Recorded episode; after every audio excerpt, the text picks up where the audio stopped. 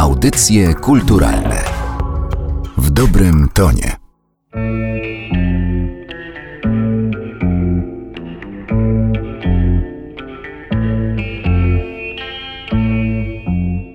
Końcu lat 70. dotarła do Polski muzyka punkowa.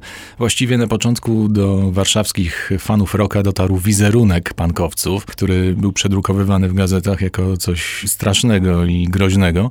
Oni to przejęli, jakoś z Londynu zaczęły spływać płyty, ale y, przekształcili na zupełnie własny sposób, odmienny od tego, co działo się w Wielkiej Brytanii.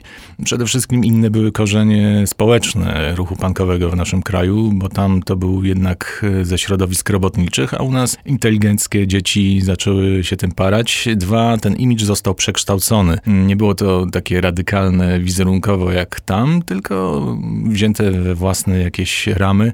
Tutaj jeździli młodzi pankowcy do Rembertowa, gdzie był bazar z ciuchami słynny i tam od staruszek wdów odkupywali marynarki na przykład przedwojenne i przystrajali je na własną modłę i tworzyli własny wizerunek. I być może najważniejsze, różniła się muzyka, która która w Wielkiej Brytanii była ostra, brudna i taka bardzo dynamiczna, a u nas przyjęła formę czasami wręcz można powiedzieć popową nawet, chociaż teksty były zadziorne odpowiednio i właśnie tutaj ten punk rock gdzieś buzował. O kim mowa? Przede wszystkim zespół Kryzys Roberta Brylewskiego, a na drugim biegunie rozwijał się zespół Tilt Tomasza Lipińskiego. Obie te grupy, które działały na przełomie lat 70. i 80., w pewnym momencie wyczerpały się wewnętrznie i zakończyły działalność, ale liderzy wciąż chcieli grać. No i naturalne było, że wszyscy się w tym środowisku znali. Naturalne było to, że Tomasz Lipiński i Robert Brylewski wreszcie połączyli siły. Zresztą Tomek Lipiński brał udział w jednej chyba nawet próbie grupy Kryzys, ale potem stwierdzili, że skoro mają nowy zespół, powinni też e, mieć nową nazwę. Tak powstał zespół Brygada Kryzys w 1981 roku. Mm, no i poza tym, co przynieśli z poprzednich grup, zaczęli komponować własny materiał. Ponieważ ich bazą, może nawet nie muzyczną, tylko towarzyską, było mieszkanie mamy Tomka Lipińskiego przy Placu Zbawiciela, tam powstawały też utwory. Jednym z nich była Centrala właśnie, która wzięła się właściwie z technicznych aspektów grania. Było radio tranzystorowe, jakieś bardzo proste, do którego Tomek Lipiński podpiął efekt Maestro Phaser. To było coś w tamtych czasach niespotykanego. On sam nie pamięta skąd to wziął i jak stracił, a później tego już nie miał. No jest to urządzenie, które przekształca dźwięk w rodzaj fali.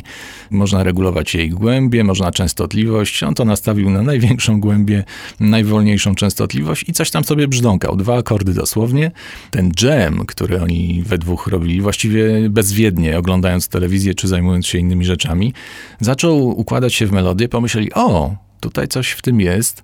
Może by to normalnie zagrać, odtworzyć to, co tam się przypadkowo wytworzyło, przez wykonanie tego na gitarze. I tak się stało. Tomek Lipiński jest głównym kompozytorem tego kawałka. On wymyślił ten główny motyw, no na podstawie którego później zbudowano cały utwór, który został niedługo nawet po tym skomponowaniu wykonany na koncercie pierwszym we wrześniu 1981 roku w sali klubu Riviera Remont. To jest też ciekawa sprawa, że że ten koncert został nielegalnie nagrany przez kogoś, kto przybył z Anglii i tam wydany w Anglii na płycie winylowej, która ukazała się w 1982 roku bez wiedzy muzyków, więc centrala po raz pierwszy pojawiła się już fonograficznie nawet w tym 1982 roku, ale zespół tego nie zaaprobował, no bo trudno aprobować coś, co wykonało się na pierwszym koncercie.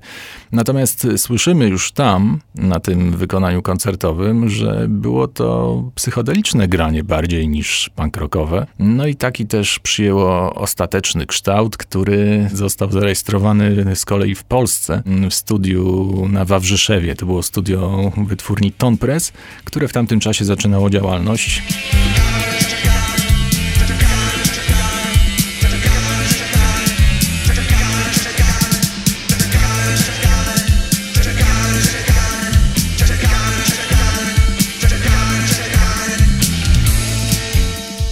Tym jak odmówili występu pod nazwą Brygada K, bo w stanie wojennym oczywiście nie można było używać słowa kryzys publicznie, właściwie grupa już formalnie, oficjalnie nie mogła istnieć, ale istniała, no i pojawiło się właśnie to studio na Wawrzyszewie, gdzie dzięki różnym znajomościom mogli młodzi muzycy wejść i formalnie testować to studio, czyli bez żadnych kosztów, bez żadnych ograniczeń czasowych.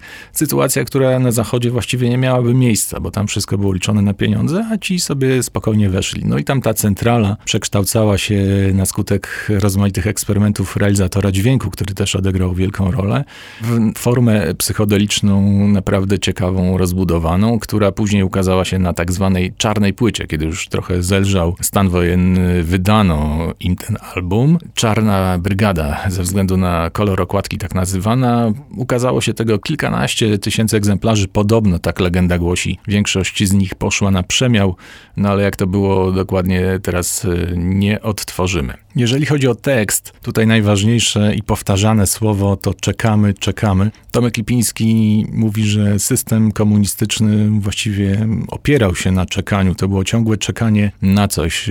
Robotnik w fabryce czekał, aż się kończy zmiana. Potem trzeba było czekać w kolejce na kupienie dóbr podstawowych, konsumpcyjnych. No i ogólne czekanie też było, bo teoretycznie wszystko miało być lepiej, ale w przyszłości, więc czekanie było wpisane w istotę tamtego systemu.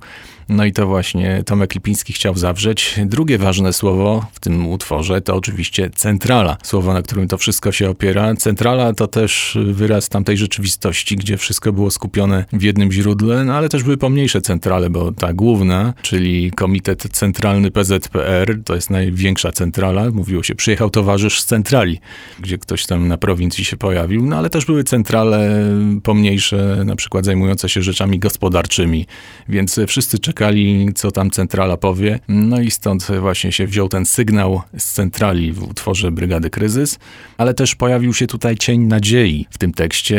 Ufamy, ufamy.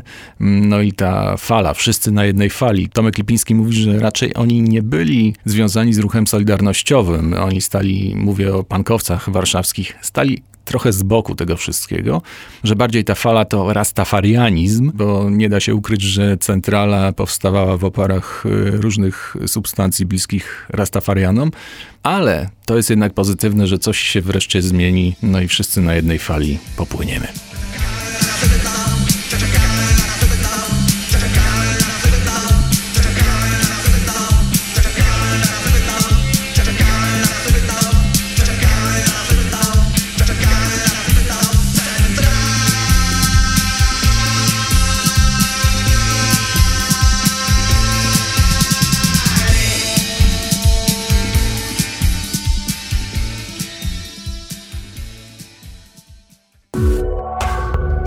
Audycje kulturalne w dobrym tonie.